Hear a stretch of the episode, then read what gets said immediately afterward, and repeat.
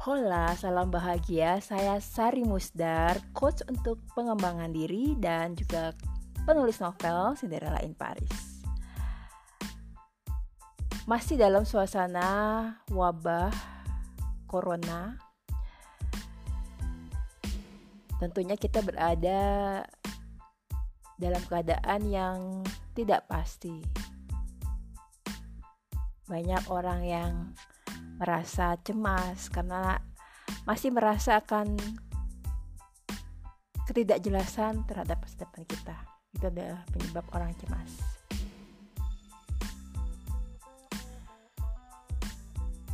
Kali ini saya pengen mencurahkan untuk anak saya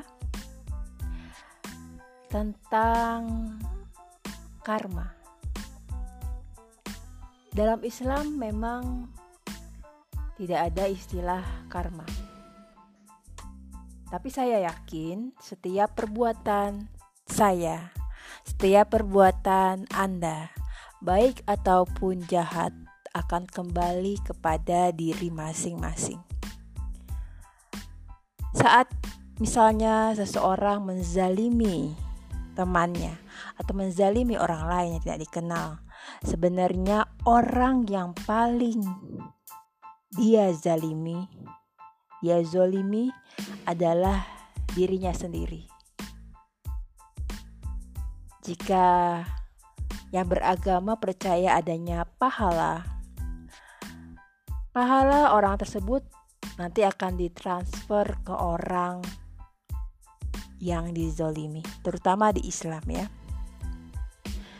Hati terutama kolbu akan rusak roh ataupun jiwa ini menangis memikirkan masa depannya nanti. Saat kita berbuat baik ke orang lain, mungkin orang tersebut tidak bisa membalas kebaikan langsung kepada kita. Tapi berdasarkan pengalaman saya, saya percaya kebaikan kita ke orang lain adalah semacam investasi tanda kutip ke diri kita. Ini bukan berarti uh, saya adalah orang yang hitung-hitungan untuk berbuat baik, tapi pada kebanyakan orang untuk mudah mengerti bahwa kadang-kadang orang berpikir kalau dia berbuat jahat, kalau misalnya dia berbuat curang, itu adalah keuntungan buat dia. Padahal enggak, itu adalah menjahati dirinya sendiri ke depannya. Jadi saya pakai istilah investasi. Kebaikan yang sudah kita lakukan ke orang lain bisa berguna di saat kita membutuhkan pertolongan Allah. Karena pada saat itulah di saat kita benar-benar berserah diri, Allah akan mengirim orang baik hati dari arah yang kita tidak sangka untuk menolong kita dan dia belum tentu harus seagama dengan kita atau orang-orang yang kita tahu kelihatan baik. Di saat kita berpikir, mengapa ya Allah kau timpakan musibah ini kepada aku, pada aku sudah berbuat baik. Tapi di saat yang sama ada pertolongan atau Allah masih mau menyelamatkan kita karena perbuatan baik kita di masa lalu yang kita mungkin sudah lupa. Jadi lebih baik kita waspada.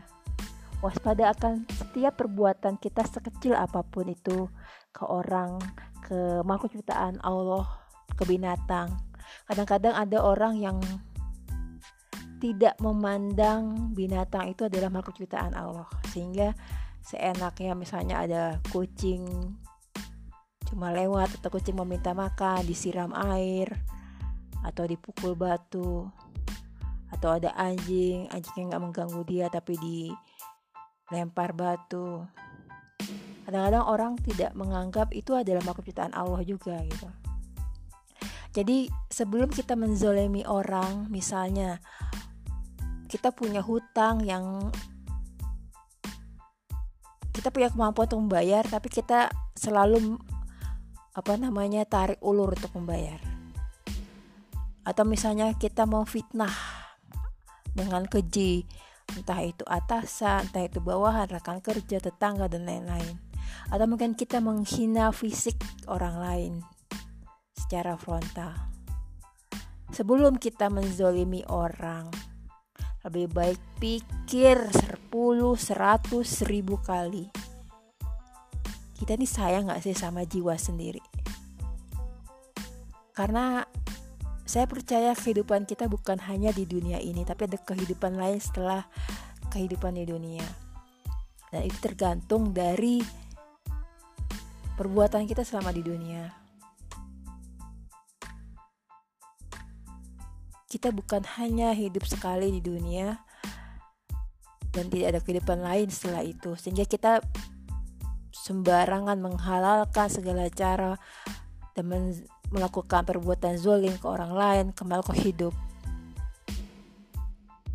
Kalau Allah masih sayang, masih baik ke kita, Allah akan membalas ke semua kezaliman kita di dunia ini, di dunia ini saat kita masih hidup. Dan itu kita masih bisa bayar. Bayar tanda kutip ya. Kita masih mampu membayar dengan uang, entah itu dengan sakit selama kita masih punya nyawa. Ujian hidup yang berat supaya kita bisa tobat. Tapi kalau misalnya Allah udah capek kita udah, udah dikasih peringatan tapi kita cuek aja mungkin dia akan membiarkan perbuatan zolim kita. Dia akan membiarkan kita sesat. Karena sudah dikasih peringatan tapi kita tidak melihat peringatan itu karena kita mengabaikan teguran-tegurannya teguran yang masih lembut.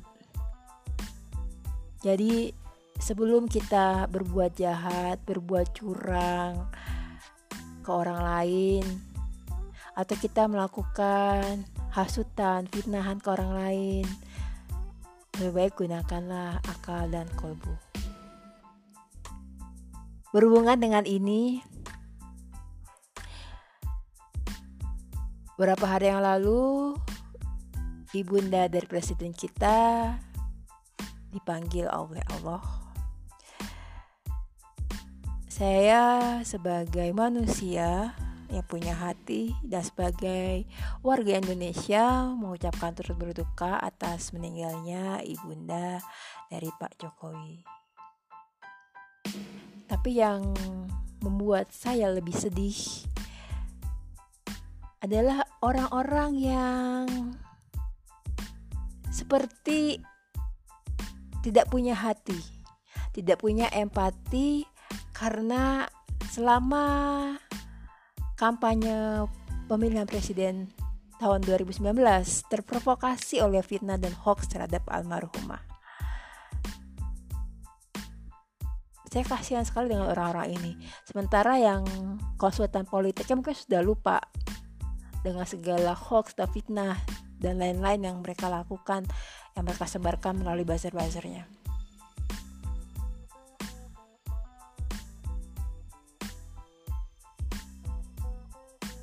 Saya berdoa semoga orang-orang yang sangat membenci orang lain, terutama membenci presidennya yang sifat atau sikap benci ini lahir dari hoax atau dari fitnah. Semoga Allah lembutkan hati mereka dan juga Allah lembutkan hati kita yang masih sehat kolbunya. Semoga bermanfaat untuk teman-teman yang baru mendengarkan podcast saya Sari Musdar. Podcast saya biasanya membahas tentang self love, tentang inner self, tentang personal development dan juga tentang empat karena saya adalah empat. Apa itu empat? Empat itu adalah orang yang peka terhadap energi dari makhluk lain, bisa binatang, bisa manusia, bisa makhluk halus. Semoga bermanfaat, semoga kita tetap diberikan kesehatan, jangan lupa jaga jarak dan tetap stay at home jika memungkinkan, kecuali kamu beli ke supermarket atau ke ATM ya terpaksa harus pergi keluar juga ya terima kasih sudah mendengarkan kalau misalnya podcast saya bermanfaat mohon jadikan favorit atau share di media sosial teman-teman salam sehat